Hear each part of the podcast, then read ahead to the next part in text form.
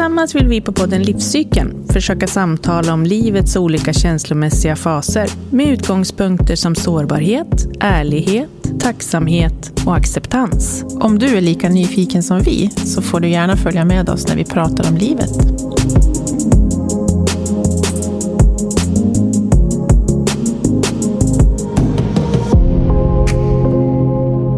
Hej Katarina. Hej Linda.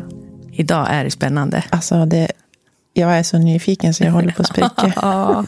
Och det, idag är det lite annorlunda av flera anledningar, för idag har vi ju två personer med oss. Det är Mhm. första gången. Det är det. Hur vi ska kunna liksom bolla det här och vi som tycker om att prata och ställa mycket frågor och sådär. Hur långt det här avsnittet blir, det vet vi inte. Vi ska försöka hålla ihop det lite. Ja, Ja. det. Men idag har vi ju Eva och Rebecka med oss i podden. Välkomna! Tack. Välkomna hit. Och det som är så spännande, det är ju det att de har ju båda två nu, Rebecka, du håller på att utbilda dig och Eva, du är ganska precis klar och färdigutbildad dödsdola. Och när jag och Katarina fick veta det här så vart vi alldeles upp i hejsan och kände att det här, oj, oj, oj, oj, det här vill ju vi veta Det mycket här vill vi om. veta allt om. Ja, för det är ju dola. Ordet och benämningen har man ju hört talas om innan, men det är ju mer i startet, i, starten i, ett liv, eh, just under graviditet. Men just det här att det finns dola i livets slutskede, det hade jag inte hört talas om ens. Och det finns egentligen i alla förändringsskeden. Mm. Eh, att det finns skilsmässodoler, det finns företagsdoler. Men om man skulle översätta Ja, ordet dola, dola vad till är- Dola betyder ju egentligen tjänarinna. tjänarinna. Alltså att gå vid sidan av någon i en process. Okej. Dola kommer ju från grekiskan. Ja, det är en, ja, en tjänare, en, en omvårdande, vårdande person. Mm. Visst. Och i Sverige har ju egentligen funnits, om man tänker i byarna, så var det ju barnmorskor, men kallades jorde, jordemödrar. Och de var ju oftast hela livscykeln. Att det var kloka kvinnor i byn som hjälpte till att ge stöd. Och det är ju också att eh, kanske man tog tur mellan gårdarna. Var det jobbigt på ena gården, då ställde de andra gårdarna upp. Också att man kanske hängde upp lakan för fönsterna för att man skulle se att här hade det hänt ett dödsfall. Och där gick man ju till familjen och man tände ljus och kanske sjöng och sådär. Eller till och med hade fest för, för de döda. Så det har ju alltid funnits. Det är ju inget egentligen nytt. Det är ju mer att utbildningen utav det är ny i Sverige. Men utomlands har det ju funnits mycket längre. Det är vanligt i England, och Nya Zeeland, Australien. Kanada, USA. Det är så himla fint ord. Så jag hoppas att vi i framtiden använder det mer. Det är lite blandade känslor inför det ordet. Vissa tycker dödsstolar låter så himla... Mm. Kan inte heta något annat? Nej, det är just det det inte ska göra. Vi föds, vi lever, vi dör. Och i många andra länder har man ju valt att säga då, dola i livets slutskede. End of life doula. Ja, just det. Och det är ju också lite grann för att poängtera att det är under livets... Alltså, det kan vara ganska lång tid före döden. Att det kan ju vara... Under utbildningen så pratade vi med en engelsk doula och hon hade varit fem år innan. Så hade den här personen tagit kontakt. Och med samtal då under de här fem åren.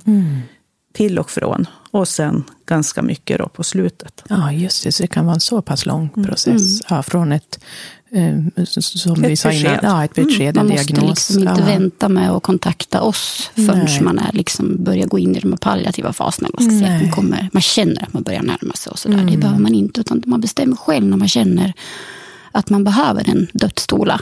Vi ska väl gå in mer på precis vad det betyder att arbeta också. Men vi kanske ska backa lite då, eh, bara så att vi får veta lite mer om er två. Om vi börjar med dig, Rebecka. Hur, Vad är din bakgrund? Hur kom det sig att du liksom valde den här typen av utbildning sen? Ja, jag har ju jobbat 12 år ungefär i vården. Och sen 2016 som undersköterska.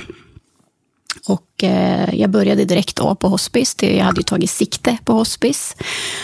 Och det beror på att jag, av två anledningar.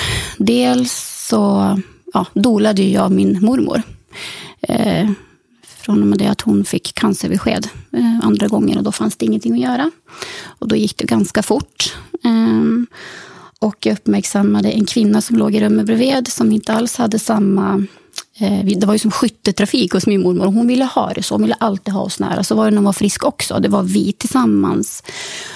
Och den här kvinnan vi såg inte att hon hade någon. Hon låg liksom ofta och tittade på när vi sprang in och ut till mormor. Och, och jag kände så mycket för henne och kände liksom att eh, har hon valt det själv eller eh, är hon bara väldigt ensam i det här? Eh, och till slut så började jag gå in lite till henne och säga hej. Och hon hade råkat spilt ut vattenglaset en gång. Jag gick in dit och liksom fyllde på. Liksom, och hon, det var som att hon sög in mig liksom där. Det fanns en törst efter närhet och ha en person där. Och jag far väldigt illa av att se människor som är utsatta vara ensamma. Um, och det är ju lätt så också idag på boenden. Det är, det är mycket, det är överbelastat, underbemannat och sådär. Och personalen gör ju allt vad de kan, men räcker mm. inte alltid till. Um, och, och samtidigt också som jag dolade min mormor, hon var ju min absolut bästa vän och det var ju skitsvårt för mig. Alltså jag ville ju inte, såklart. Så kände jag mig ändå väldigt trygg med det. Um, och jag fanns för mina i familjen liksom och eh, kunde liksom föra oss samman och jag kunde förklara liksom vad som hände. Liksom, och jag läste på jag tog reda på vad som hände med mormor liksom, och pratade med personalen. Och sen fick jag följa med på ett studiebesök på hospice. Eh, för min gudmor Eva är president, som det heter, för Rotary. Och eh, hon skulle dit på ett besök och donera pengar och så fick hon ta med sig två stycken. Och när jag var där då kände jag att för första gången i livet, inte vilsen i vad jag ska göra. Jag kände att det är här jag ska vara. Mm. Det är här. Jag ska arbeta. Och då bestämde jag mig. Så när jag var redo för att ta tag i utbildningen så sökte jag, utbildade mig och tog sikte direkt på hospice. Visste du att det fanns en sån utbildning då? Eller var... Nej, det är under, till undersköterska. Ja. Så man måste ju vara undersköterska eller sjuksköterska för att jobba där. Ja. Mm. Eh, så att ehm, på den vägen är det. Och när jag började där också på hospice, visst det var ju mycket jag inte kunde då, men jag kände mig aldrig osäker att vara nära de här människorna i utsatthet. Och som, det var ju mycket rädsla, oro, det kan vara ilska. Mm. Eh, ja, det var så det började för mig. Och sen har jag liksom bara växt i den rollen. Och känner att det är så mycket mer än ett arbete för mig. Det här är mitt kall i livet. Mm. Mm. Jag ville till jobbet. Mm. Jag hade aldrig något problem att gå tillbaka till jobbet efter helgen. Eller, jag hade semester på en månad där och jag, åh, jag tyckte det var jobbigt. Jag ville fundera vad som hände där. Och, och så där. Och det, det, kan ju vara mitt sätt. Jag kanske måste jobba på det och kunna vara ledig också. Men jag älskar mitt jobb. Jag älskar det jag gör. Mm. Ja. Att finnas till ja. för andra. Mm. Ja, att Fint. vara den här starka, trygga medmänniskan som bara kan stå stark och trygg när livet stormar som allra mest. Som du kan falla emot, hålla emot. Mm. Hålla i liksom. Mm. Mm. Luta mot mig. Mm. Mm. mm. Men får du också lov att känna dig svag ibland i det? För jag tänker att det är... Absolut. Absolut. Det är ju ett tufft uppdrag. Liksom. Ja, det är det. Men då, då, då har man ju som sagt kollegor där. Vi pratar väldigt mycket med varann. Mm. Och ofta har man ju en, en handledning också. Mm. Eh, svårast är det väl ändå när man eh, dolar föräldrar som har små barn. Mm. Det tar ju alltid extra åt. Eller om man har någon väldigt ung. Den yngsta jag dolat var 28. Mm. Hade också ett barn på mm. fyra. Mm. mm. Men det ska kännas också. Den dagen man inte känner något, då ska man också lägga ner. För då kan man inte leverera den här ödmjukheten längre. Eh, och det där eh, bemötandet man behöver ha och känslan, fingertoppskänslan. Då är det nog dags att gå, skulle jag vilja säga. Mm. Jag hoppas mm. att det aldrig kommer dit. Nej. Nej. Och du då, Eva, hur, vad är din bakgrund? Ja, dels så har jag varit mycket med mina mor och farföräldrar på gård och sett så att säga, livscykeln för djuren. Mm. Men sen när jag var 13 då skulle jag få sommarjobba på ett boende. Men eh, det blev inte av. Eh, men när jag kom och frågade på eh, personalavdelningen så sa de att ja, men du kanske kan hjälpa till att städa. Eh, på ett boende för senildementa. Och jag tänkte, oj, det vet jag inte, men om jag får komma dit så gör jag, vill jag gärna komma och se vad det är. Och eh, där visade det sig att jag kände några personer som jag hade åkt skidor med. Så att då kände jag att ja, men kan de så kan, kan nog jag. Och där får man ju också som städerska möta eh, människorna i, när de kanske inte går upp. Eller när de inte mår så bra. Så man förstår inte, man har inte utbildning. Men sköterskan där, Sonja Brundin, hon eh, guidade väldigt tryggt och säkert. Så jag kände mig väldigt tillfreds och hemma. Och behövd. Att det lilla jag kunde göra betydde. Mm. mm. Och eh, sen eh, så ville jag utbilda mig till eh, sjukgymnast, hette det då. Och eh, åkte efter gymnasiet till Tyskland. Och sen har jag jobbat i Tyskland och USA och Uppsala som sjukgymnastassistent. Och även uppe i Västernorrland där jag kommer ifrån. Eller i Ångermanland. Mm. Och eh, sen gick jag utbildningen 80, 88, 90 i Uppsala till fysioterapeut och har jobbat med det på vårdcentraler och habilitering i 19 år. Och sen eh, jobbade jag på eh, Västermalms så här, gymnasium med eh, ungdomarna där som behövde träning och så, mm. som fysioterapeut. Och sen eh, när det blev eh, neddragning av tjänster där, så då fick jag möjligheten att starta eget. Och då tänkte jag vad jag ville, vad ville jag göra? Mm. och då fick jag höra att utbildningen till dödsstola kom till Sverige. Och jag tänkte att det var ju bra mycket skönare än att gå utbildningen i England. För då kan jag liksom inte lagar och regler som är aktuella i Sverige. Och då ska jag försöka på egen hand mm. ta reda på det. Så då gick jag den första utbildningen som de hade. Då. Och det är som fyra moduler som man får eh, ungefär, jag gick under ett år, men du kan ju gå modulerna i vilken, eller med ganska lång tid emellan. Man har sen, två år på sig ja. och bli klar. Så certifieringen måste man ta inom ett När man har år. gått modul fyra, då, så mm. då har man ett år. Så då um, skrev jag och gjorde klar i augusti och sen blev jag certifierad i november. Mm. Mm. Och nu har ju ni bestämt er liksom för att ni ska ju samarbeta och mm. jobba. Och det låter ju som en fantastisk kombination faktiskt med era olika bakgrunder. Att du, Eva, har liksom kroppen och hur den liksom fungerar på ett sätt. Och du har ju också undersköterska, Rebecka, mm. och så som det är. Mm. Liksom, i att ni har olika kompetenser som mm. kan mötas jättefint. Ja, ja. både att vi har och sen är det ju liksom just det här att vi båda har jobbat inom vården och sjukvården. Att mm. Där blir ju vi ett komplement istället för konkurrenter ja. till det som redan finns. Ja. Och också just det här att man kanske saknar ibland, när jag jobbar på region, det var ju att man kanske inte alltid kunde vara till för de närstående. Mm. Men här har vi ju liksom att vi kan vi dolar ju även närstående. Ja. Mm. Det är, vi är lika mycket till för dem. Men Precis. alltid så är det ju den döende som är liksom i huvudfokus. Ja. För det är den personen som ska lämna. Och man kan ju bara göra det en gång och den ska liksom säga sitt farväl. Liksom och så, där. så det är ändå den personen som är liksom i huvudfokus. så att säga. Men lika viktigt är ju om det finns närstående runt omkring. Mm. Ja, precis. Kan ni förklara lite grann så där, liksom, hur, ehm, för de precis som jag och Katarina, som det här är ju nytt liksom, mm. för oss på det mm. sättet. Eh, hur liksom går det till när man kontaktar er då, och i vilket skede och hur ser det ut? Liksom? Hur, går, mm. hur går man tillväga, så att säga, om man skulle vilja? Mm. I mitt fall då, så då är ju de som har tagit kontakt med mig, det har ju varit närstående. Men jag kan ju lika gärna vara den personen som har fått en diagnos som påverkar livslängd eller livskvalitet.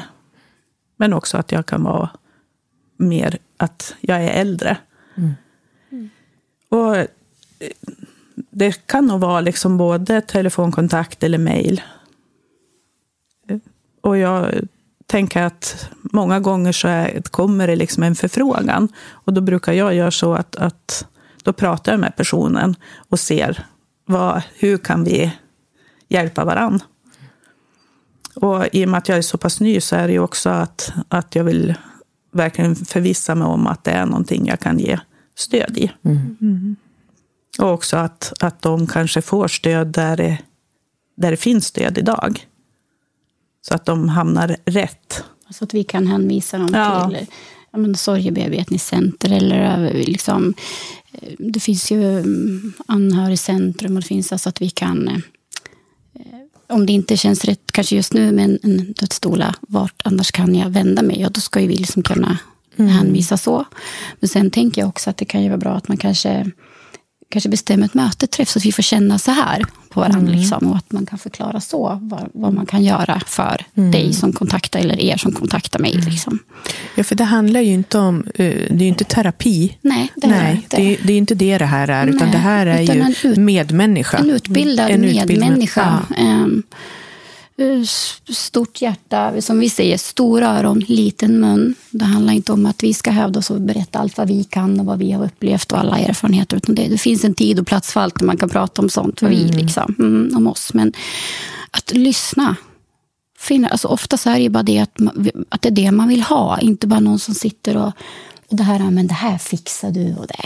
Du är så stark. och du, alltså Det kan bli jättejobbigt. Mm. Nej, jag känner inte att jag fixar det här.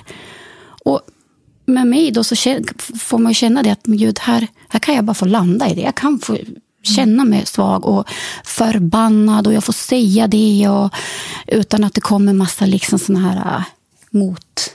Vad ska jag säga? Nej, men ta det lugnt nu. Mm. Det går bra, det fixar du. Mm. Du är stark. Det, det kan, vara jättejobbigt. Ja, provocerande. Otroligt provocerande. Mm. Jag har varit med om äh, att man har kunnat fått ett kort där det står krya på dig. Mm. Förlåt, nu skrattar jag ja, till, men, men alltså, det är här lite är det ju också människor ja. kanske som skulle behöva prata mer om det som faktiskt är. Ja. Det är det här vi vill få ut. Mm. Vi ska dö. Mm. Du ska dö, jag ska dö och vi vet inte när. Nej. Ja, men är det inte för att det är så svårt att hantera? Jo, alltså, och det är det vi vill liksom få en ordning på. Ja. För vi tjänar så mycket på det. Och att vi använder oss uttryck som egentligen är så dum, att gå bort. Mm. Ja, men det säger jag när jag kanske ska gå bort på dans eller på mm, krogen mm. eller somna in. Ja. Och Nej, just det, det här att det man har sett också, det är att om vi inte använder de, alltså döden eller att personen har dött, utan man säger gått bort och somna, Mm. så är det ju faktiskt också barn som reagerar, att de blir jätterädda när föräldrarna ja, går bort. Uh Eller de är rädda för att somna själva ja, för natten. Både att de är rädda eller att föräldrarna och liksom kan nästan hoppa upp i sängen för att kolla att de lever. Mm. Och kan man istället säga att, att de har dött. Mm. Och de till och med kanske får vara med eller får se.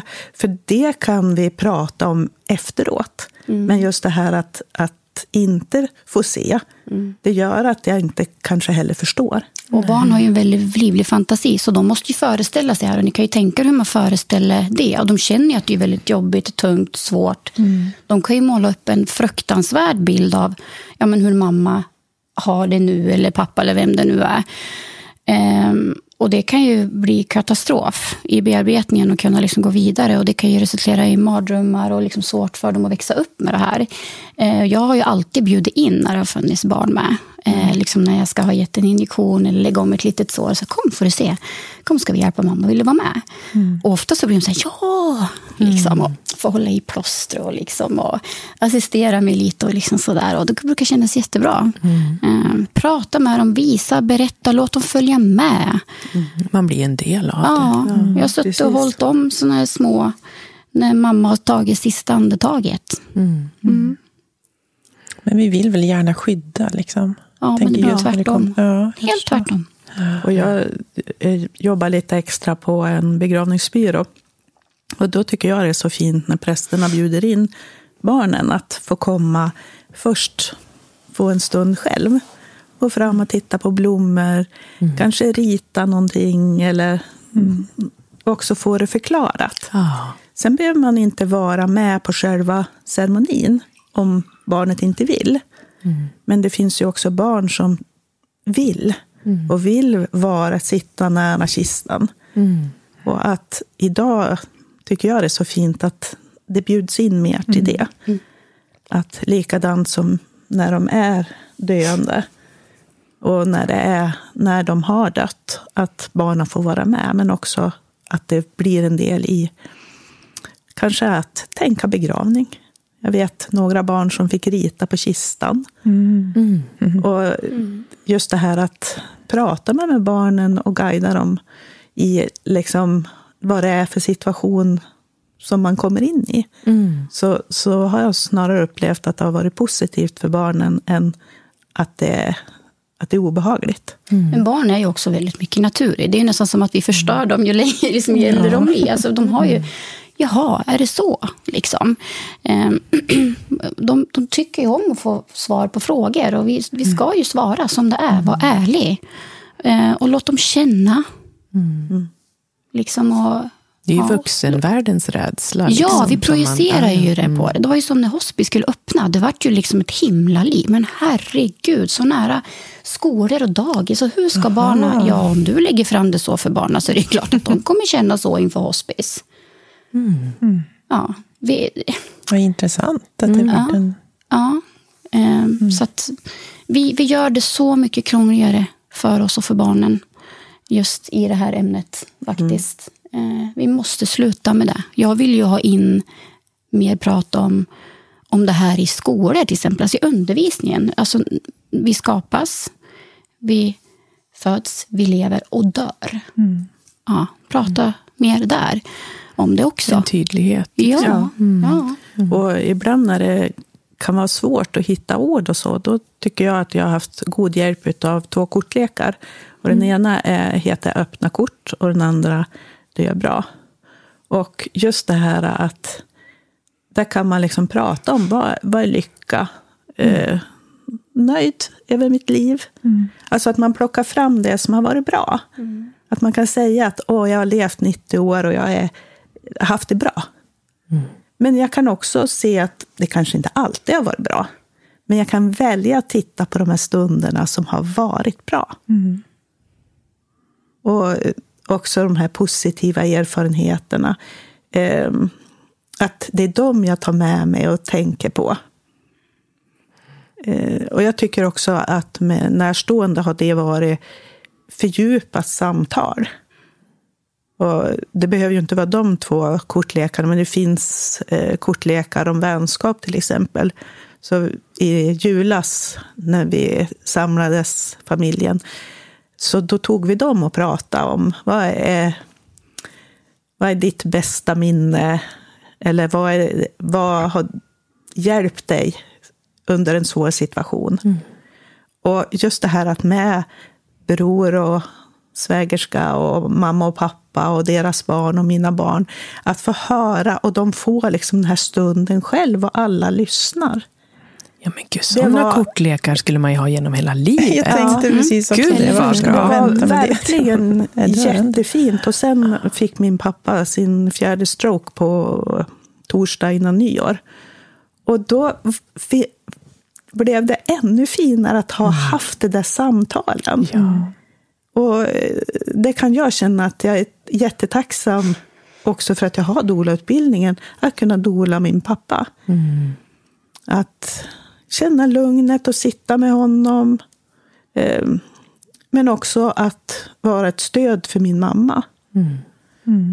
Eh, Men om man nu tar kontakt med er, hur ser, hur ser kontakten ut? Jag förstår att det inte finns något givet svar på det, men hur ofta ses man? Och, Det där tror jag att man måste få, att man kanske får komma överens om och känna efter lite grann på hur mycket man eh, behöver. Det får man nog kanske bygga upp lite eftersom. Ehm, Det kanske är fem timmar i veckan, det kan vara 20 timmar i veckan. Alltså det är liksom, Och sen är det ju liksom, vi blir ju som en liten Alltså vi, vi är också till för att du ska kunna avlasta med saker. Vi blir ju en länk mellan den döende, vården och närstående. Vi kan ju sköta all vårdkontakt till exempel. Det kan ju Mm. vara väldigt jobbigt och krångligt att hålla på med ibland. Det är ju inte alltid det vill liksom bara flyta på. Och att orka behöva och ska måste kämpa med det i en sån situation. Både som, ja, som du som är personen som, som eh, har diagnosen och vet att du ska dö och sen anhöriga. Att avlasta med det eh, är ju jätteskönt. Eh, och sen att bara se till att det finns mat på bordet, vi kan laga en enklare middag. För sånt är också liksom som att flytta på ett berg. Och vi vet ju vad viktigt det är att sömn, mat och vila. Och lite frisk luft. Ja. Se till dem att de får det och att det finns utrymme för det och liksom pusha dem lite till det. Och, och sen är det andra praktiska, det som kan bara vara tungt. Lägg det på mig. Ehm, det jag kan, läste lite grann också att man, man även kan få hjälp med juridiska Exakt. frågor. Precis, det är ju liksom just kring vad som är icke-juridiskt och vad som är juridiskt. Mm. Det kan vara alla de dokument som är bra att tillgå. Det är ju allt från eh, Framtidsfullmakten och ja, bo, att alla de här delarna behöver vara klara. Att jag kanske kan skriva på fullmakt till apoteket utan att skriva datumet. Men, alltså just det här att göra det eh, lättsamt. Eh, att full, som framtidsfullmakten, men på banken då måste du skriva en fullmakt innan. Så det blir ungefär som ett bollplank, skulle jag snarare säga. att Vi är ju inte juridiskt rådgivande, Nej. utan vi talar mer om vad som kanske underlättar eller behövs. vad det finns för typ Ja. av dokument att tillgå beroende på vad det är du vill. Eh, och sen också att vara lite koll på vilka som är juridiskt bindande och inte. Jag är precis i den att jag läser om det nu. Eh, och det kan ju vara allt från vad gäller kring en kremering. Eh, vem äger askan? Liksom, och hur får jag ut askan när jag ska Ja, Då behövs ett intyg, till exempel från Skatteverket när jag ska åka och hämta. Och det kan ju, och vad gäller i en begravning, eh, vad får man och vad får man inte? Lite sådär också. Och sen är det ju så att det kan ju vara lite olika beroende på vilken stad man bor i. Det behöver inte alls vara lika så. Utan, så att det är viktigt också att man kollar upp det och sen att man håller sig uppdaterad själv. Det kan ju ändras sånt här också vad som gäller. Som jag läser, det som gäller nu behöver ju inte alls gälla om ett, två år kring det här. Så att det gäller att vi också håller oss uppdaterade. Eh, och sen om vi känner oss minsta lilla osäker så lägger vi inte över det på, på personen utan eh, jag kollar upp det här och så återkommer jag. Eh, Nej, men som sprida ut aska får man inte Precis, göra hur som nej, helst. det Liksom. Så det är mycket sådana Man måste saker. ansöka Som, om tillstånd. Det ska vara Ja. minst 100 meter från strandkant. Och det ska liksom, Mm. det, Och många gånger så kan jag tycka eh, just den här processen, att jag vet kanske vilken sida vi ska gå in och titta på. Och jag kanske har läst lite innan. Men jag tycker också att det är viktigt att man, om det är en person som är ganska klar och vet lite vad de vill och så, att man gör det tillsammans. får Att med. just det här att ringa och ha det på högtalaren. Om det inte personen kan hålla i själv så kan man liksom ta på högtalaren eller på datorn så att de kan prata med sina närstående eller med begravningsentreprenören eller eh, blomaffären eller vad det kan vara för någonting som de vill ha kontakt med. Och, eh, också det här att, att ta kontakt med alla eh, kommunen och så för att få eh, färdtjänst. Eller att det är inte bara, utan man måste ju ringa och det är många gånger. Och vad är det för papper? Mm. Och då är det ju skönt att för vi, är, då är vi inne på det här också att vi, vi tar ju vara på det som är friskt. Alltså visst, jag har en person med en sjukdom här. Men det är ju fortfarande en livslevande människa som, nu beroende på vilket skede jag kom in då som doula, men som klarar av mycket själv också. Det måste vi uppmuntra. Eh, för det är ju redan liksom som det är. Det är ju redan sjukt också. Men det du klarar av, det ska ju vi uppmuntra till att ja, men gör det och var med. Men sen nästa dag kanske man, nej men idag vill jag verkligen inte. Nej men då måste vi backa. Och då kan jag göra det här. Liksom. Men det är ju liksom viktigt att man känner att man inte bara är en sjukdom, tänker jag. Eh, du är fortfarande så himla mycket mer. Och jag är nyfiken på det. Du får gärna berätta om dig själv, vem det är och, och sådär. Och det, det är en fördel när man kommer in lite tidigare i skedet. Att man får lära känna varandra lite grann. Eh, att den personen får lära känna mig och kanske kan vila i att men gud vad skönt att veta att det är du som kommer ta hand om mig. Jag känner mig trygg med dig och jag vet att det här blir bra. För en dag så kommer jag inte kunna säga hur jag vill ha det. Eh, Och då kan det också vara bra om man har skrivit hur man kanske har det. Att det är bra att tänka på det här. Att ja, den dagen jag inte kan förmedla mig så är det bra att dolan eller mina närstående eller hemtjänst eller vilka nu det är kan slå upp och titta. Ja, men så här vill hon ha det. Så här tycker hon om att ha det. Eh, Det kan vara allt från att eh, jag tycker om att höra fåglarna öppna fönstret så att jag får in liksom, ljudet av fågelsången. Det kan vara, nej, ta inte de där bäck och böljesängkläderna eller vad det är. De där är så Men, men också veta att Små saker som är i viktiga. slutet så kan det också ändras. Absolut, Så det just kan det här göra. att man kanske måste fråga, och kan de blinka eller kan de göra någonting? Att Mm. man har liksom lite förståelse för det. Och det kan ju ibland vara svårt för närstående. Att eh, de har alltid gillat Mm. Tosca Massariner och så gör de inte det. Nej. Men Nu man kanske ger dem för man vet att de brukade gilla. Och saker kan smaka annorlunda. För, Ja. för när man är i slutskedet så är det faktiskt så här, och det är väldigt viktigt att ta upp, och det är ofta där det sker svåra missförstånd. Att, eh, medan vi fortfarande lever men vi är nära så börjar kroppen att stänga ner funktioner för att den håller på att förbereda sig på att dö. Och just det där kring mat och smaker. Mm, Vi har ju vuxit upp med, vem har inte hört när man var liten och sjuk, ja men ät nu lite grann så blir du lite starkare, ska du se att du orkar lite till. Och det där följer oss, även då.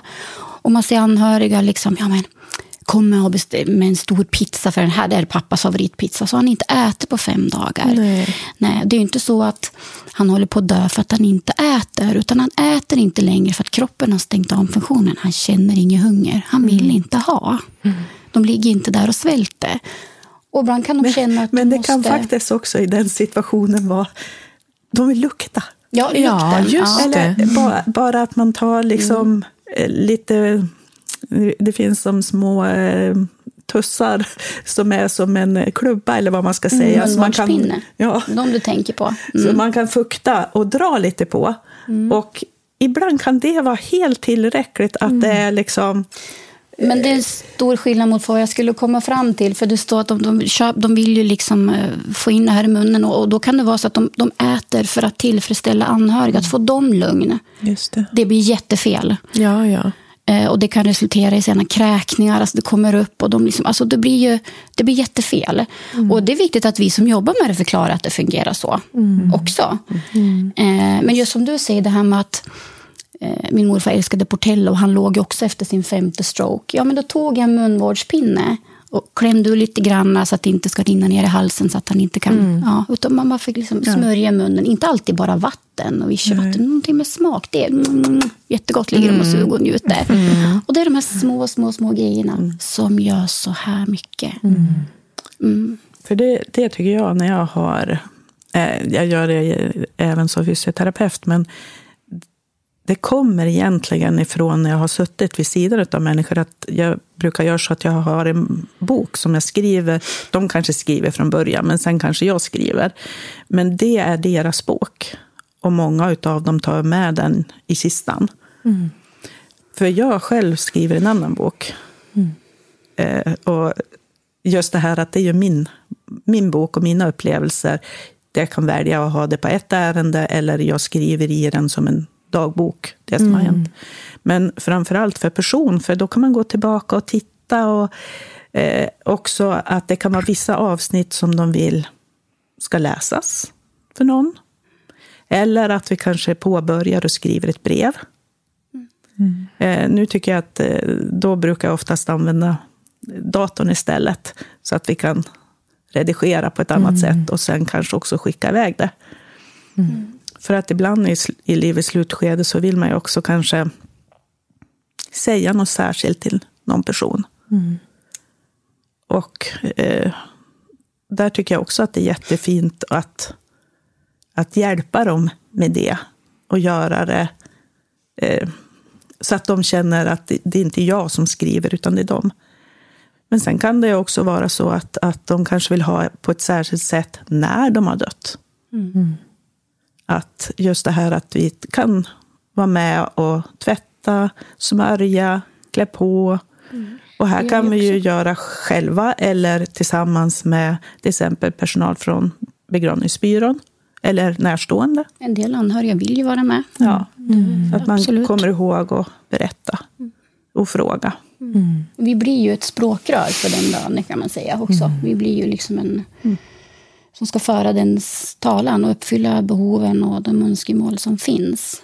Men upplever ni att det är många som vill vara, kanske är lite konstigt, men engagerade i sin egen död?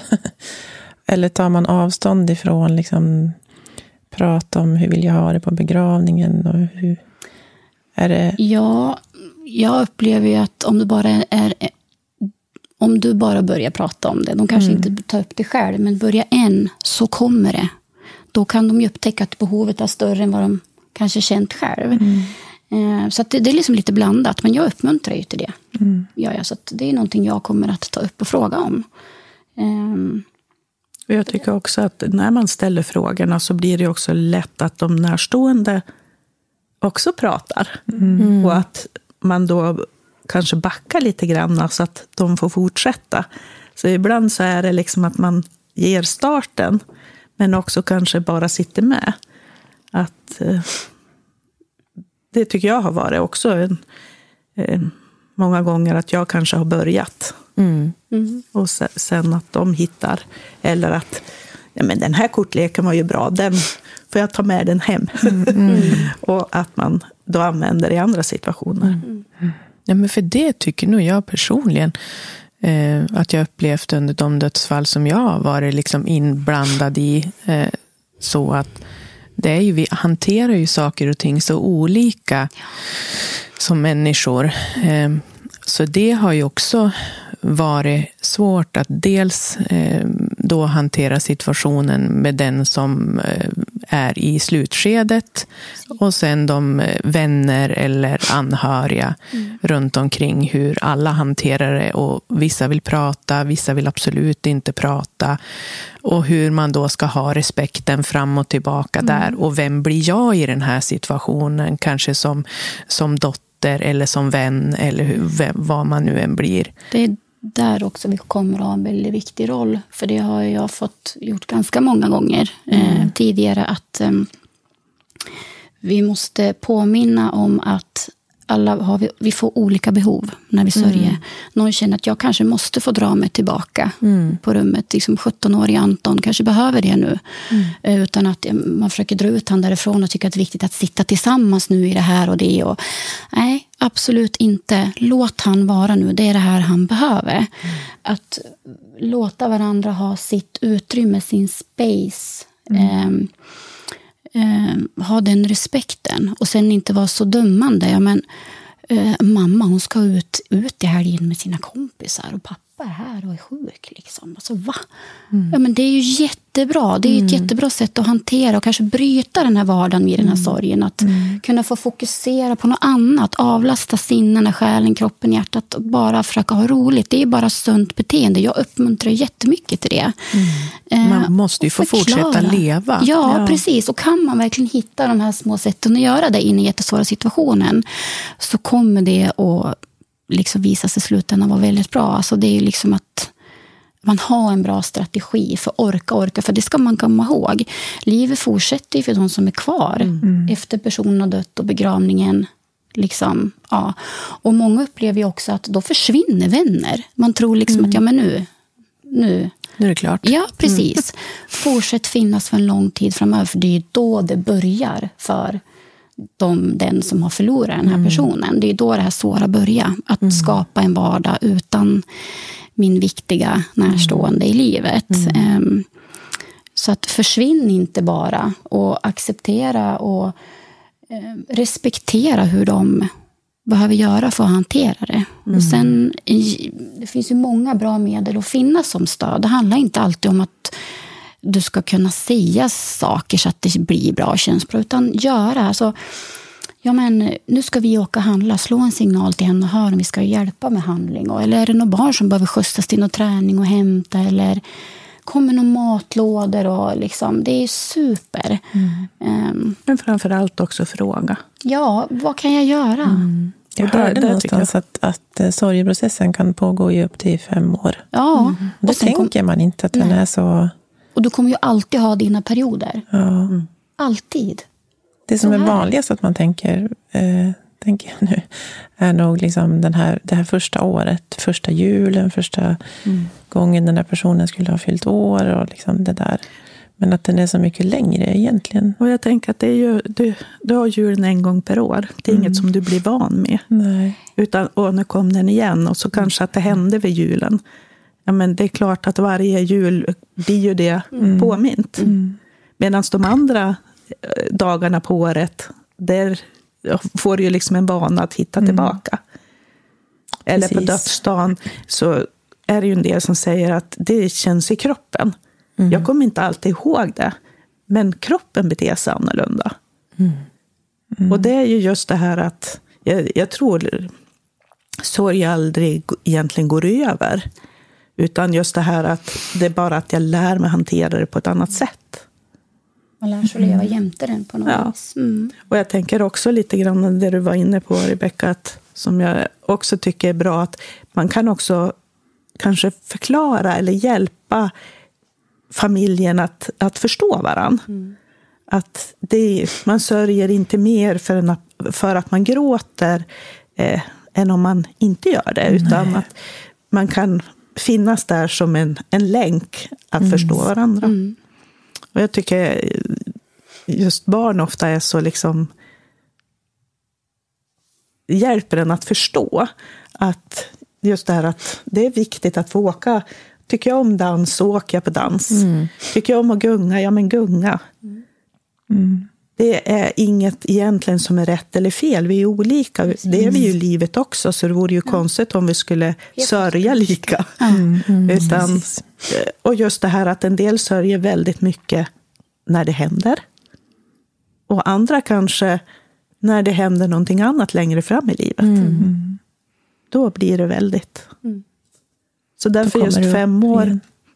igen. Allt är relativt. Jag kanske ett dödsfall, det, det klarar jag ganska bra, men kanske om tre år så händer det igen. Och man tycker det kanske inte ens är närstående. Nej, och det kan ju vara också vad händer runt omkring mig själv i övrigt just en, under den situationen. Det kanske var mycket annat också och så känner man, nej men nu får jag sätta det här, vad ska jag sätta på paus här? Nu, det där får liksom vänta, tyvärr då.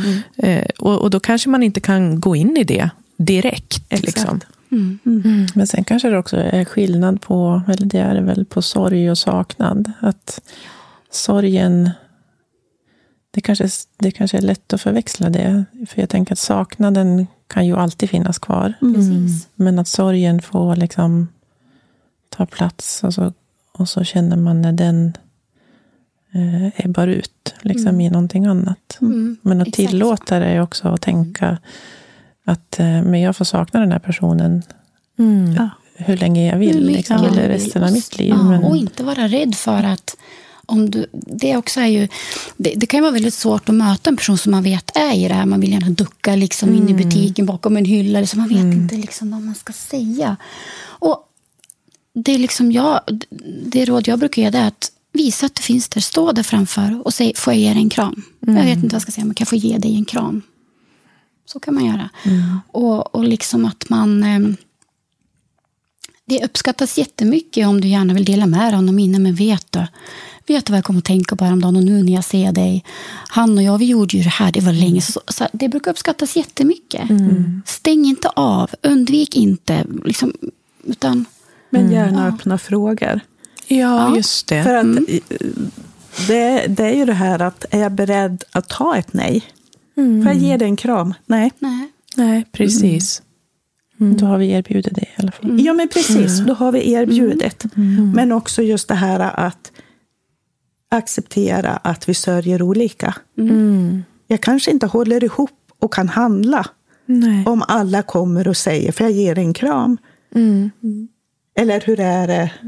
Mår du bättre nu? Eller något sånt där. Att Just det här att du kommer fram och du kan fråga. Eh, hur känns det? Vill du ha en kram eller känns det eh, mycket när du är och handlar? Eller så. Men också att vi kan ta ett nej. Mm. Förvänta sig inte så mycket tillbaka, Nej, för de nej. är inte skyldiga oss någonting. Och det, det kan man ju också säga att man är medveten om. Så att, för det kan ju bli så att man känner att men gud, hon har inte svarat på det här sms och det har gått tre dagar, hon har frågor. Och liksom, men skriv gärna det och sms. Om du skickar ett sms, säg jag vill bara säga att jag tänker på dig. Och påminna igen om att jag finns här. Eh, och du behöver inte känna att du ska svara på det här eller någonting. Utan jag är till för dig. liksom. Mm. Och det gäller ju också att man har den här lite känslan för när saker och ting passar sig, just vi som jobbar med det. Att men nu kanske vi måste backa lite, här är det inte läge att kanske fråga så mycket just nu. Eh, vi måste ha respekt för integritet, det är superviktigt. Eh, och ibland så måste vi måste också kunna se, gör de det här nu för att de tänker att de ska tillfredsställa mig?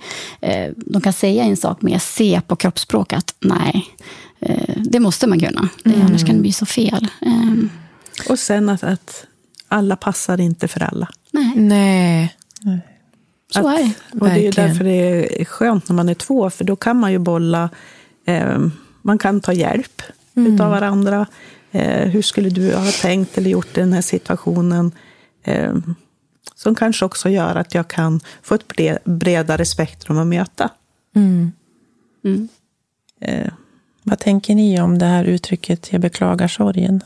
Jag har en egen uppfattning om det, men jag är lite nyfiken på vad ni tänker. Eh, jag tänker att, att det är bättre att du säger något än att du avstår. Mm. Sen finns det, alltså just det här att jag tycker att man ska välja någonting som passar en själv. Mm. Men, men eh, just det här att eh, sorgen eller beklaga förlusten är kanske inte det som jag skulle välja själv.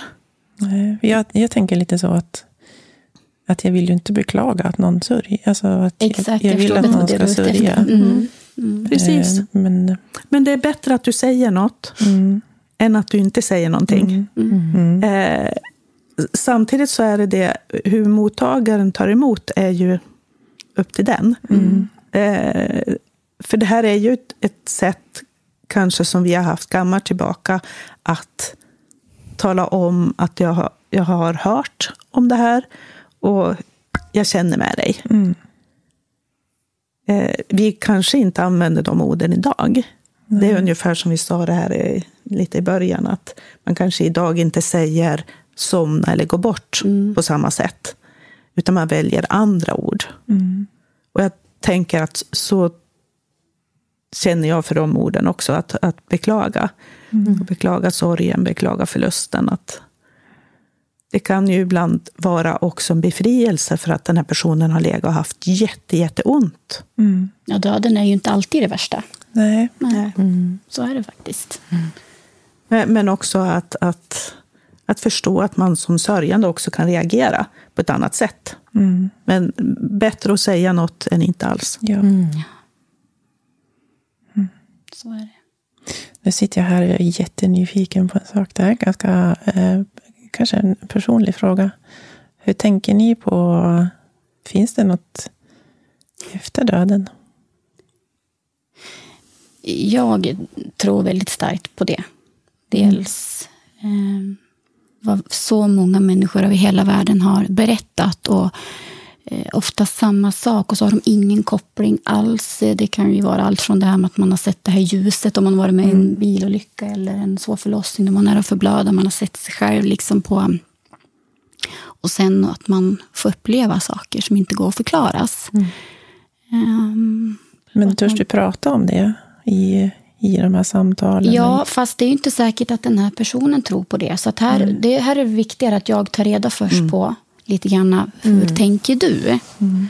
Eh, Och att även där att allt är okej. ja, Att jag pratar nog väldigt lite om min tro. Och eh, hör mig för om hur, hur de tänker. Och är det en, en eh, lysknapp, Mm. då får du ha det. vi, är ju, vi går ju in med ett helt öppet sinne. Eh, liksom hålla ute fördomar och allt det där. Utan vi går in som ganska ren och väldigt neutral. Eh, det kan ju, vi kan ju komma in i en familj väldigt, väldigt djupt kristet. Alltså, vi är ju helt religiöst och politiskt obundna. Så Det är liksom, och vi har ju också det åtagandet att vi måste läsa på om olika kulturer. Hur vi sörjer mm. och vad vi kan ha för syn på livet och döden och så. Mm. Och att vi följer dem i det. Och aldrig liksom, nej men det tror inte jag på. Alltså aldrig något sånt. Inget sånt alls. Men blir det lättare, det är nog det jag är ute efter lite, blir det lättare att, eh, att ha den här uppgiften eller kallet om man, om man har den tron själv? Att det blir ännu jag tror finare? Mer på liksom, hur man eller? hanterar liksom, ja. att jag ska mm. dö. De, de, det, det, där är vi olika, bland ja. mina kollegor också. Att det finns de som absolut inte tror på att det... Utan det blir, när vi dör, då är vi mm. döda. Mm. Ingenting annat. Mm. Jag kan ju tycka att det känns, när jag tänker på min sorg och saknad jag efter mina närstående som jag förlorat, som betytt mycket för mig. Så kan jag landa i min tro väldigt väl att ja, men, det var inte sista gången. Vi kommer att ses på något sätt. Mm. mm. Så jag kan ju finna väldigt stor tröst i min tro. Mm. mm. Och jag tycker också att man kan nästan känna att en del av dem är med. Mm. När jag gör ja. saker eller hänger upp gardiner, så då kan jag se att farmor ler. Liksom. Men det ger ju mig mer liksom ger mig själv tröst och stöd mm. Mm. i livet. Mm. Jag tänker bara på hur jag tänker själv. Att det, för mig är det en, en tröst många gånger att ja, men tänka som du sa Rebecka, att det här, vi ses ju igen. Mm. Liksom att det är så, för mig det är självklart. Mm. Och det gör det inte så jobbigt att tänka på Nej. att vi ska dö. Liksom att kroppen dör. Eller att... Ja, men, men när jag har suttit med, med människor som är döende så kan jag egentligen inte säga att det är någon skillnad om du har en stark tro eller inte. Nej.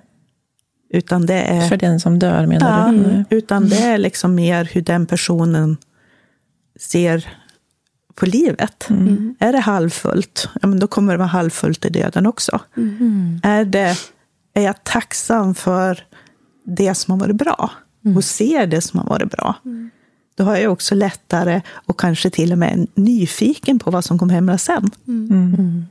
Mm. Precis. Det kan ju vara så att man inte har trott alls på det någonsin i sitt liv, men när man är där så börjar man ändå fundera, liksom, mm. bli mer öppen för det också. Alltså, mm. Man har ju sett och hört så många olika mm. varianter. Mm.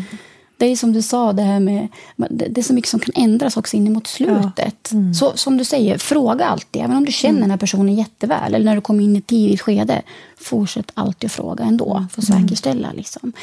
Um, och kan ni uppleva att det har varit så att man, ni har kommit in i en persons liv och att, som du säger, det har varit halvfullt. Eh, men sen mot slutet så har man ändå liksom haft samtal som har gjort att den här personen har kommit fram till att men jag har ju haft ett jättefint liv, vad vackert det har varit. Mm. Kan det vara så? Ja, mm. absolut. Mm. Sen, och jag tycker att det, det eh, kan vara på både och. Mm. Mm. Och också hur eh, mö mötena är mot slutet. Mm. Är man tacksam? Är man glad mm. för att eh, vi har haft det bra ihop? Mm. Att man ser det här äldre paret som fortfarande håller varandra i hand och tittar mm. på varandra med kärlek i ögonen. Alltså man blir så rörd. Mm, ja, visst. Ja. Att de fortfarande kan ha den här kärleken. Mm. Och lika väl så har man de som sitter och nästan sitter av tiden är fel att säga, men, men liksom just det här att det är väldigt lite kärlek och beröring och kontakt. Mm. Men det säger ju inte att de sörjer mindre eller annorlunda eller tycker mer eller mindre om varandra. Nej. Det är så Men, relationen har sett ut. Ja. ja. Och sen just det här med beröring, det är ju liksom det här med, det är ju det är ju någonting som också kan få en person att öppna upp. Jag är utbildad i taktilmassage. Och eh, det är någonting jag också kommer erbjuda. Eh, och det är ingenting som liksom, man måste lägga till några extra följelse, utan det, det, får man. Och även det kommer erbjuda närstående också, för det är så otroligt skönt. Och det har visats också när man kan hålla en kontinuitet i taktilen. Det är ju ett visst berörelse, ett rörelsemönster, mm. hud mot hud. Så har det en god verkan mot ångest, mm. eh, oro och eh, en del smärta. Mm. Eh, så att eh, eh, på de jag har utfört taktil på vilken har hållit en kontinuitet har ju behövt mindre smärtlindring och mindre orosdämpande. Mm. Eh, och jag har inte haft en person som inte har somnat. Utan det är... Slappnar av. Ja, eller bara att eh, pyssla om någons naglar. Mm. Sitta och smörja nagelbanden, måla dem. Då har många somnat. Och så gör det så himla mycket mm. att få ändå känna sig fin. Och mm. Att man blir ompysslad. Och mm. som jag sa, ta vara på det friska. Och är det någon som tycker om och alltid tyckt om att vara fin, måla sig, lägga håret eller mm. eh, vara uppmuntrad till det ta ett glas vin eller två eller tre. Någon spricka liksom mm. sådär. Alltså, allt det där. Um, för, för, så länge man lever ska man ju leva. Man ska inte mm. sitta eller ligga och vänta på någonting mm. ska hända. Det, man kan få väldigt bra livskvalitet mm. också. Men det gäller ju att man klarar av att vara öppen för det också. Ja. Mm. Och det kommer vi försöka... Och också en del vill inte. Nej, Nej och då måste vi kunna backa. Då backar ja. vi. Ja. Och just det här att, eh, precis som med smaken, så kan känslan bli annorlunda. Det kan nästan mm. upplevas smärtsamt mm. att beröras. Mm. Eh, I lederna kan också vara att man rör, mm. eh, att man måste vara liksom försiktig mm, även om man är utför rörelsen. Mm. Att man lyssnar in och, och är noga att liksom stämma av. För att det är ju inte alltid att känslan heller är riktigt samma. Så att ibland så får man liksom läsa av ansiktet. Det måste man alltid hålla koll på. Titta upp på personen när ja. du rör, lyfter, vänder. Mm. Eller just taktilen, att man ändå alltid tittar upp och är mm. uppmärksam. Mm. Mm. Ja, för det upplevde jag med min pappa på slutet med honom. Han ville ju hemskt gärna att jag skulle smörja hans händer. Mm. Och det var liksom att du kan du smörja mina händer, det blir så bra när du gör det. Mm. Liksom sådär. Och det var ju också naturligtvis för att han ville ha, känna mm. närheten, mm. att vi skulle mm. liksom ha den där stunden, han och jag tillsammans. Liksom så. så det var faktiskt väldigt, väldigt fint. Mm. Ja. Och just det här att skapa en miljö som är som är lätt att justera mm. efter är det en stor sjukhussäng och det är bordet och allting, det är liksom sjukhusmiljö. Men ändå, om det är en person som väldigt tycker om att ha det liksom ombonat mm. ljus och blommor, mm. eh, så gör man det. Mm. Men också just det här att det kan lika gärna vara att en person som tycker väldigt mycket om det inte vill ha något. Mm. Öppna fönstret. Ja, alltså Plocka in en bukett som känner doften, ställer ja. så de ser den. Den dagen när de inte orkar längre ta sig ut. Mm. Eh, fast kanske älskar vara ute. Eller men bara för liksom, det som jag säger, liksom mata sinnena som fortfarande finns kvar. Mm. Mm. Eh, och in i det sista. Liksom. Uppmuntra den personen den, så som hon eller han är, där de tycker om. Fortsätt med det. Liksom, och, och men som sagt, fråga. Um. Och, och, och, respektera mm. att så tyckte jag förut, men så vill jag inte nu. Mm. Mm. Och, och, jag tycker det är lika med begravningar. att Om jag gör en begravning för, för min pappa, då blir det ju mitt minne av honom. Mm. Om han gör en begravning för sig, mm. som han vill ha, då blir det ju mer hans begravning. Mm. Samtidigt så är det inget som är rätt eller fel. Mm. Och jag, jag, kan liksom relatera till några nu där det är de älskade blommor när de levde. Men på begravningen ville de bara ha kistan. Mm. Inga blommor, inget kort, ingenting. Mm. Och det var jättevackert. Mm. Likaväl som det kan vara jättevackert med blommor och oljekannan som de gick med. Och, alltså just det här mm. att, att det får bli personligt. Mm.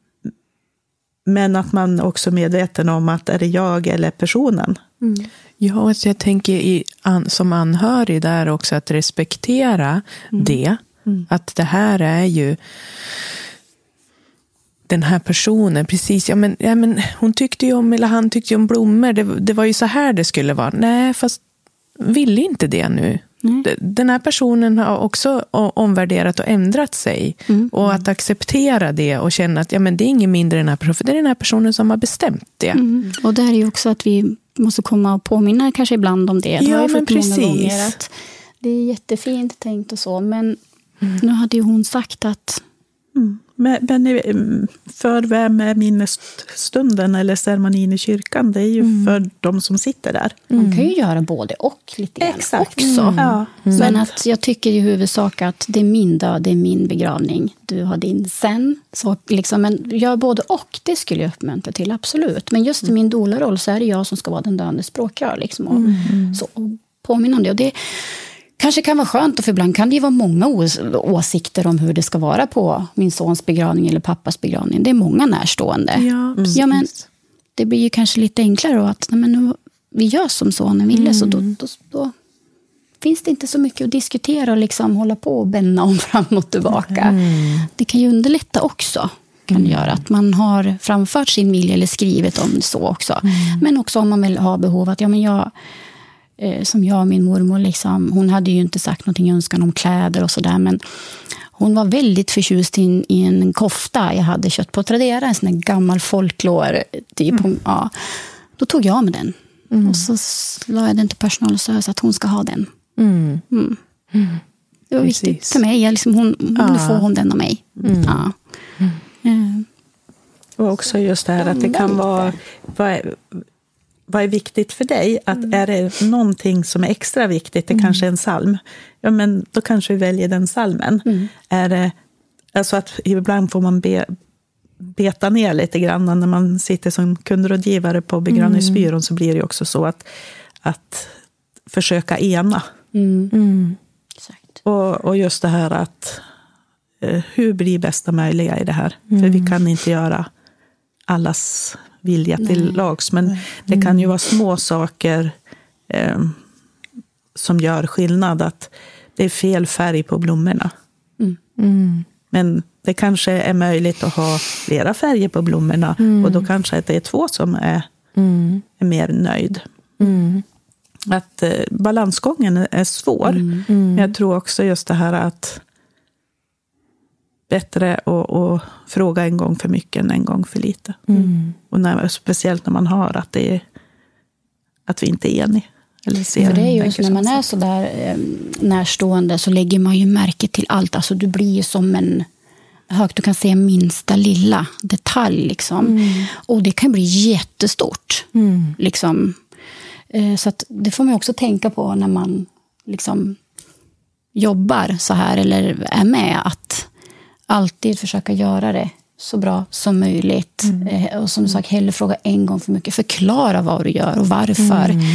Eh, Och bju- bjuda in, eh, framförallt närstående, då, att bjuda in i eh, är det vi tar hand om dem efter att de har dött eller i begravningen, att ibland kan det vara viktigt att de får komma in först. För vasken kanske ska ligga på ett speciellt sätt. Och det är bara den förändringen, så den personen kan vara nöjd. Eh, och, och jag tycker att det jag ser liksom, när man ställer frågorna, bara att man har ställt frågan. Mm. Precis. Men och just bara kom upp en sak i mig som jag kom på bara här nu. Just i det här med bemötande ehm, som anhörig. Att jag har nu upplevt ehm, att man blir, kan ju bli bemött på olika sätt, liksom beroende på eh, vilken relation man har till den personen som då har gått bort. Eh, och till exempel som när min pappa gick bort, eh, säger jag nu gick bort, han dog. Ja, okej. Ja, precis. Så- Det sitter i ryggraden det där, han, han är död. Ehm, att det bemötandet då från omgivningen, om det kom fram eh, en bekant till familjen eller en bekant, så blir det ju, tror jag, naturligt att det också sitter lite grann i ryggraden, att frågan blir, i och med att min mamma lever, eh, hur är det med din mamma? Att jag nog har upplevt, och upplever fortfarande, att de frågor man får, min känsla och min sorg är ganska sekundär för den som frågar. Att, och och det, i, I början så kände jag liksom att, att jag tänkte kring det att ja, men det är naturligt. De, det är ju liksom, de levde ju hela livet liksom, tillsammans. Det var ju, han var ju hennes livs liksom, person. Det är mm. klart att de ställer frågan på det sättet. Och så marinerade jag det så och tänkte att ja, ja, men det är inget konstigt att, att de inte frågar om, om, om hur jag har det i det. Liksom, sådär. Mm. Så att jag accepterade det och sen så kom det sen, liksom, ja, men varför då? Liksom, vet, man vet ju ingenting om relationerna i familjen. De har ju ingen aning om vilken relation jag och min pappa Nej. hade, om den var jättenära eller om Precis. den inte var nära. Um, men att det här har liksom fortsatt. Jag tror nog att jag har bara accepterat det. Mm. Uh, och jag har nog inte tänkt på det så mycket förrän nu. Du ser vad det sätter igång tankarna. Ja, man prata, så det är jätte, och nu är det ju här, liksom, så har det ju varit i över tre år nu. Liksom, att, mm. eh, någon gång kanske det har kommit, ja ah, men just det, och du liksom, ja, ja, hur, känner, ja, sådär. hur mår du? Ja, men, hur men, men att det har ju under hela tiden varit sekundärt och det upplevde jag också faktiskt en hel del eh, under sluttiden på sjukhusvistelsen att eh, vårdpersonal bemötte mig som en sekundär mm. person också. Att även fast jag var där eh, jättemycket mm. eh, så kom det ju uttalanden från sjukhuspersonal att ja, men, ja, ja, nu ungefär får du komma hit och se hur, hur jobbigt ungefär din, din mamma har det. Ja. Fick jag eh, en, en sån någon gång. Ja. Eh, och då kände jag, jag blev bara tyst. Liksom, för, för det var som att jag var liksom hela tiden en sekundär person i det där. Och det där har jag liksom fått efteråt bearbeta liksom på, på egen hand. Sådär. Mm. Um, och, och då blir, ja, det, det är ju någonting som tas ifrån en lite, mm. mm kan jag ju tycka, i det. Det där vill jag slå ett slag för, just det som att jag har jobbat på sjukhuset också. Och det är inte mm. bara på sjukhuset. Men alltså jag upplever ju att det finns ju faktiskt vårdpersonal också som inte alls kan hantera och inte är liksom just det som är kring döden. Mm. Och, och, jag vill ha in mer palliativt. Eh, och prata om bemötande och medmänsklighet i varje yrkeskategori mm. inom vården. Det mm. finns vårdpersonal som inte vet hur de ska. Mm. Eh, och, och, och liksom det här med att fokusera och se till varje individ mm. ja, som är inblandad här. Mm. Inte bara just kring en. Mm. Eh, men jag har, just det där du berättar om har jag upplevt själv. Eh, och det, det, är bara så trist för att det, det går ju inte att göra om det. Nej, men det gör ju inte det. Din pappa dog en gång. Ja. Du gick igenom det där en gång. Ja, precis. Det går ju inte att ändra på. Det spelar ingen roll. Hur, det finns ingen ursäkt. Liksom, det finns liksom inte... Mm. Det får inte bli så. Vi Nej, måste sträva precis. efter det här mycket mer. Att kunna ta hand om det palliativa, de runt omkring. Mm. Eh, kunskap och sen... Eh, men det tänker jag att det är liksom allt ifrån utbildning till vidareutbildning. Mm. Så vidareutbildning är ju ofta specifikt för det vi jobbar med. Mm. Men just den här ja, lite etiska och förhållningssättet mm. är ju, tycker jag, lika viktigt. Mm. Och att, man ständ, att det är ständigt förnyande. Mm. Man har ju ofta eh, professionell handledning. Mm. Och där tycker jag att eh, jag har fått fantastiskt bra stöd genom åren på, på det heter region idag, men, men eh, när jag jobbar på sjukhuset och eh, habiliteringen, att man får liksom... Men samtidigt så den här lilla nära kontakten, det är ju samtidigt svårt. Mm. Den, den tycker jag inte att vi har pratat så mycket om. Mm, hur bemöter vi mm. föräldrar och närstående? Mm. Och, och, den tycker jag är minst lika viktig. Mm. Och det är någonting som, jag tycker att det är ungefär som träning, att det är en färskvara. Mm. Att man måste sitta i samtal med människor mm. för att träna det. Och man måste vara ärlig med människor eh, också, mm. när man är i professionella roller. Var, mm. ja, alltid ärlig. Mm. Alltid. Kan det inte vara så i omgivningen, tänker jag också, inte om vi bortser från sjukhuspersonal och så, men, men de som möter dig i det här fallet, nu Linda, mm. att de det ändå kan vara ett sätt att visa att man finns där och bryr sig. Men mm. det kanske är för obekvämt att fråga kring dina känslor. Ja, men precis. Absolut. mammas istället. Ja, ja, gud, ja, absolut. Och det finns inget dömande alls från min sida i att man inte mm, liksom riktar frågan mo- mot mig på det sättet, ut, utan det är ju svårt. Mm. Det är Jag jätte- tänker bara att ja, det kan ja, vara en gud ja, mm, absolut. Till, liksom. Ja. Och, och jag tänker lite, det är Definitivt. ungefär som vi frågar i korridoren. Hej, hur är det? Ja. Mm. Vi stannar ju sällan för svaret. Mm, Ja, precis. Eh, så jag tror att du, det tror jag, tycker att du tänker klokt. Mm. Att, eh, Absolut. Man, man vill tala om att, att man har hört. Mm. Och hur är det liksom? Ehm, men om jag ska fråga dig, då kanske jag måste vara beredd att stanna. Precis. Ja. Och det kan ju också vara att eh, känner jag dig så nära så att jag kan ställa de frågorna. Att det är ungefär som beklagar sorgen lite grann. Att vi, vi är lite ovan med det här.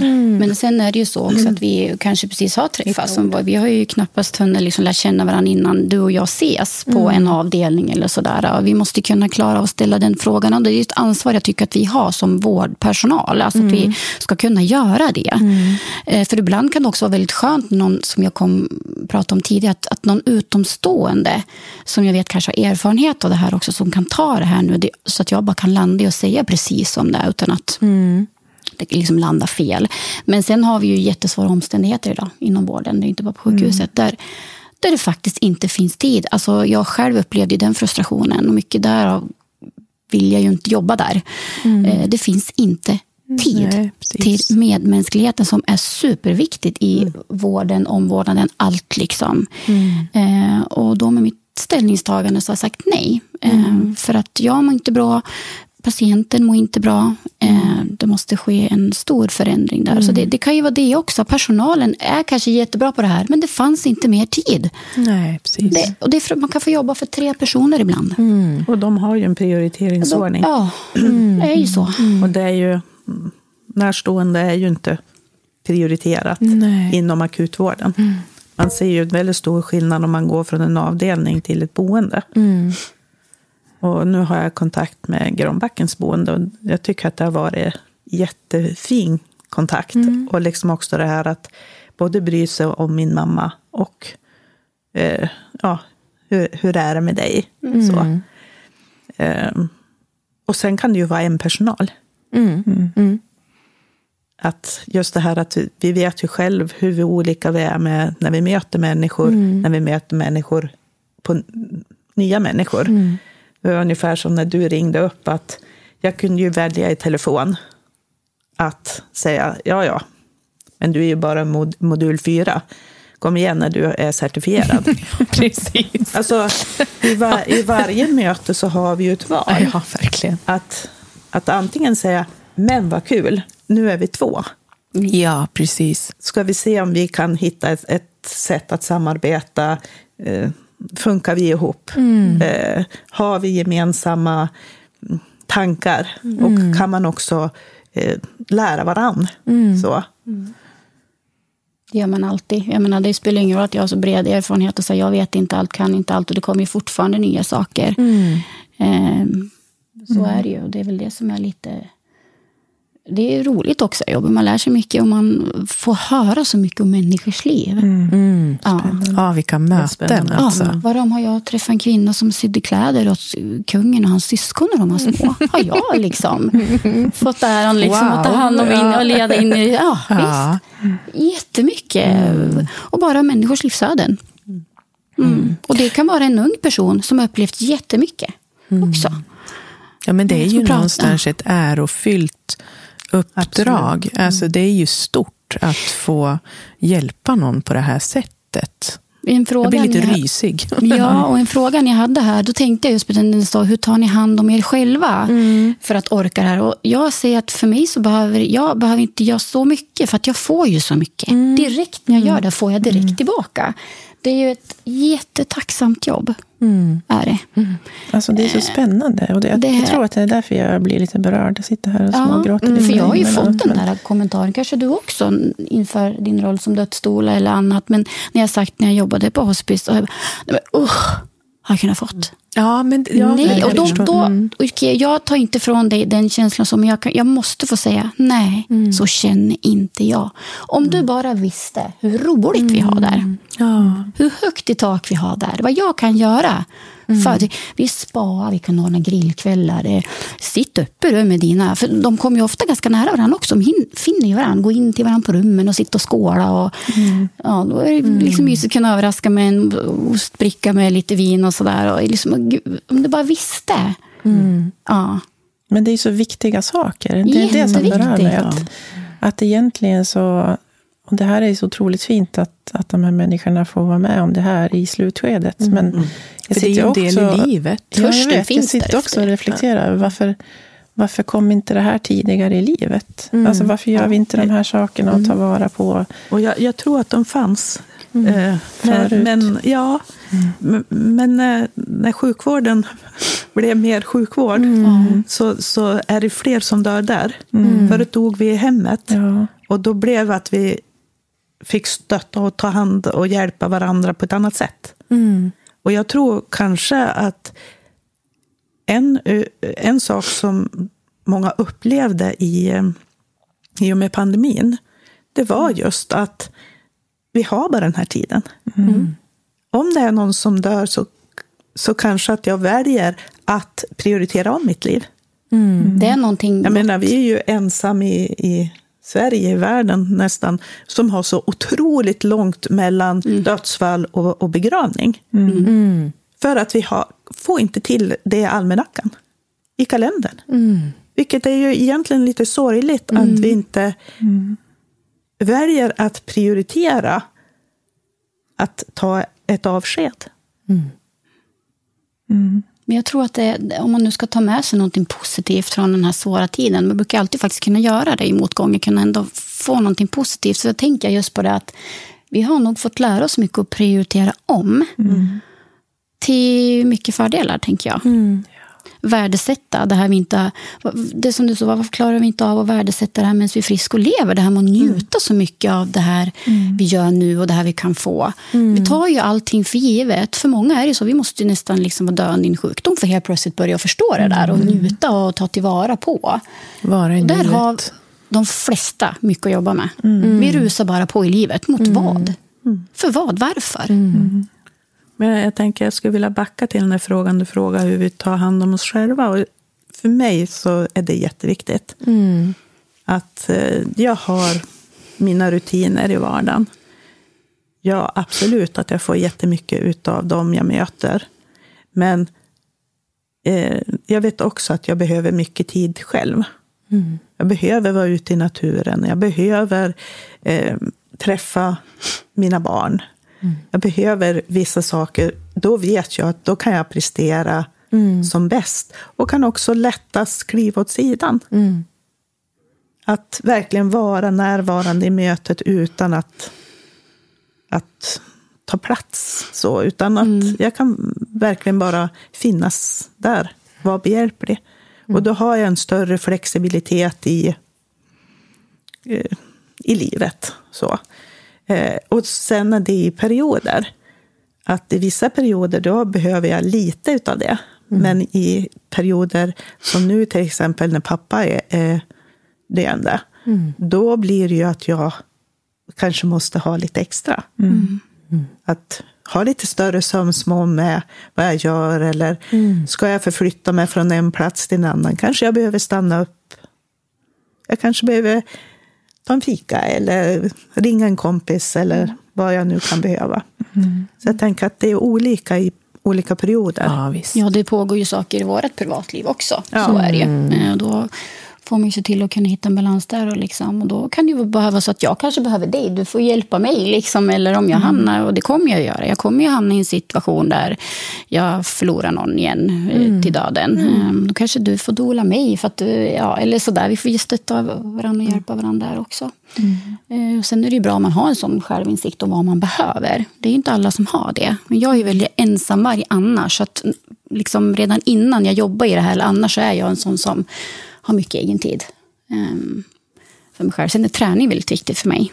Där rensar jag väldigt mycket i mitt huvud. Ehm, Men återigen Precis. handlar det väl om att det vi alltid landar i, att känna efter. Ja. Vad som behövs. Stanna upp. Liksom att det, Ja.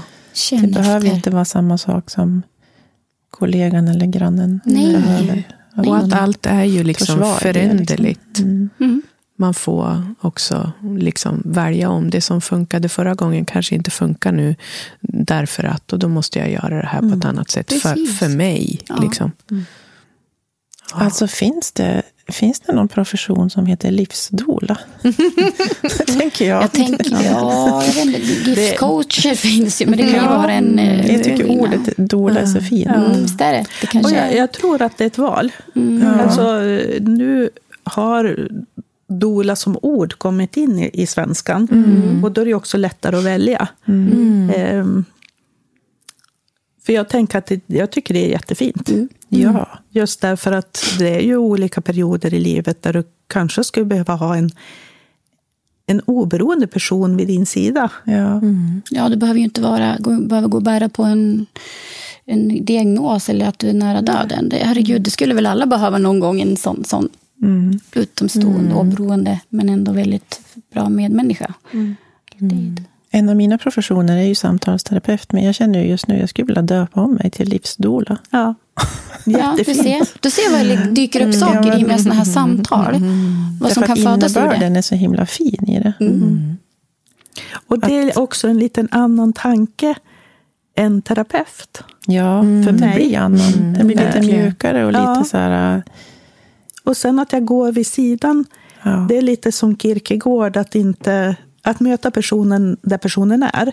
Och liksom följa den, gå med den under en period. Och det, kan, det synsättet tilltalar mig. Mm, verkligen. Och det är Så så, livsstolar, absolut. Ja, jag får trycka nya visitkort helt enkelt. Eller också gör det det när dina tar slut. Ja, precis. Att just det här att, att det blir en naturlig förändring. Och bör, att man börjar presentera sig som det. Kanske att det står i materialet. Ska jag ändå uppdatera min hemsida? Att jag väljer att att använda ord som... Mm. För det blir ju som en vidareutveckling på det du redan är. Eller har utbildat dig till. Sen kan jag bli din vardagsdola. Gärna. Katarina.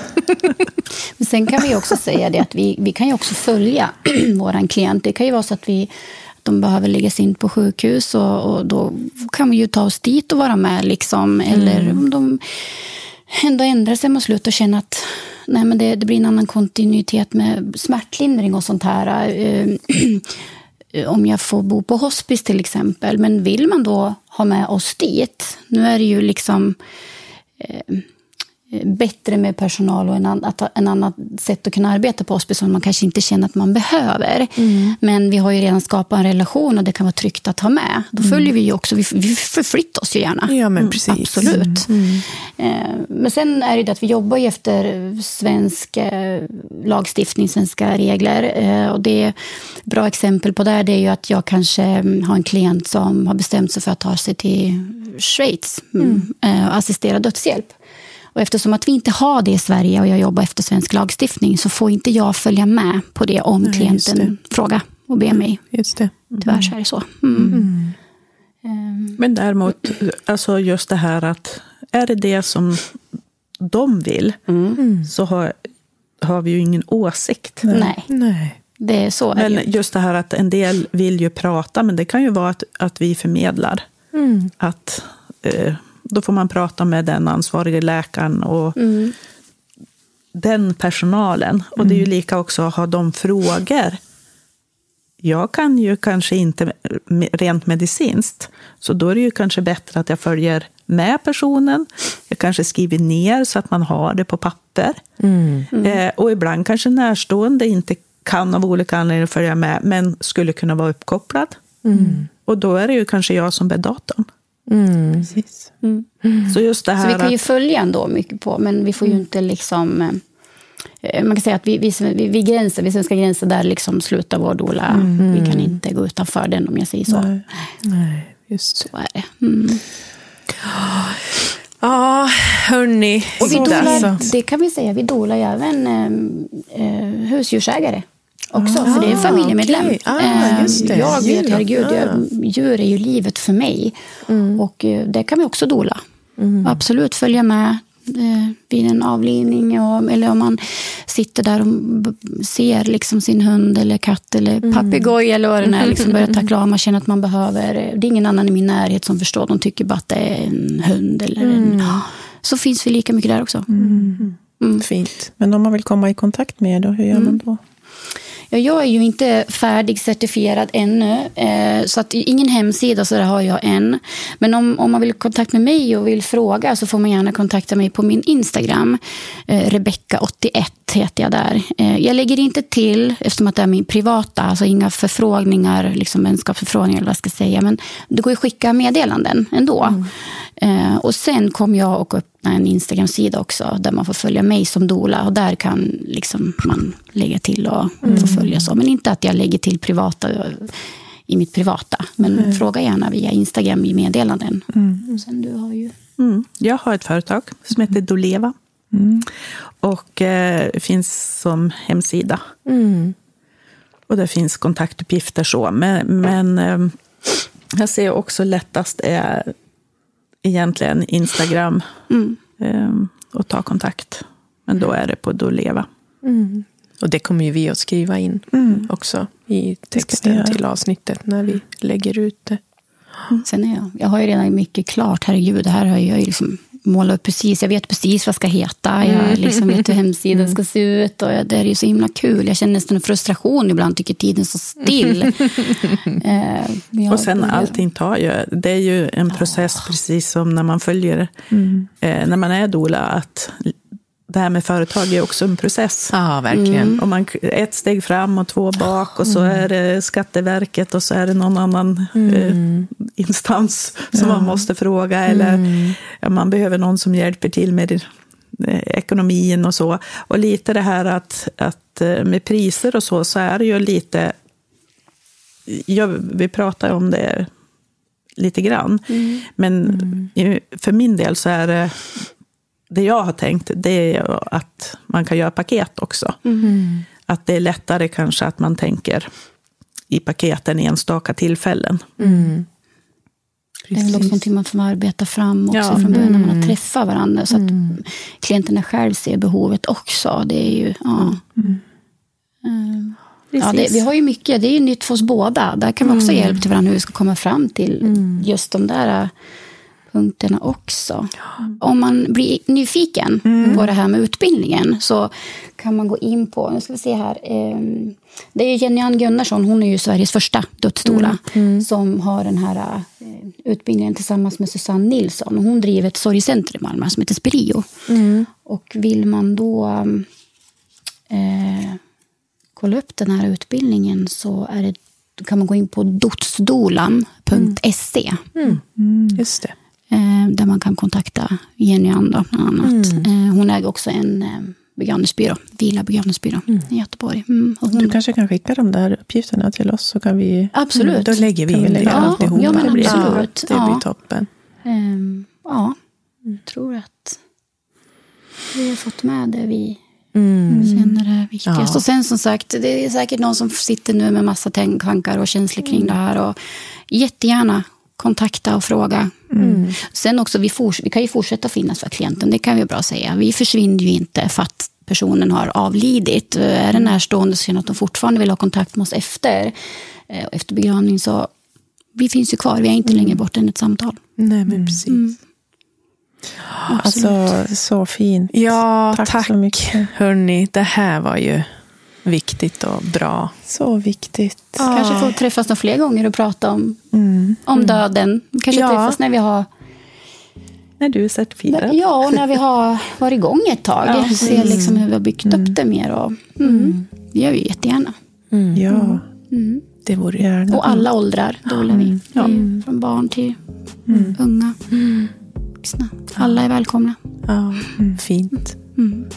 Tack, hörni. Ja, men tack själv för att vi fick komma. Tusen tack. Ja.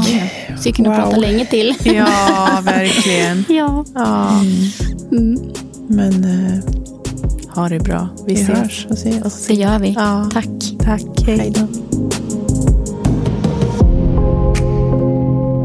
Jag heter Linda Westlund. Och Katarina Bergsten heter jag. Vi är väldigt tacksamma för att du följer oss i vår podd. Vill du följa oss även på Instagram så heter vi podden Livscykeln.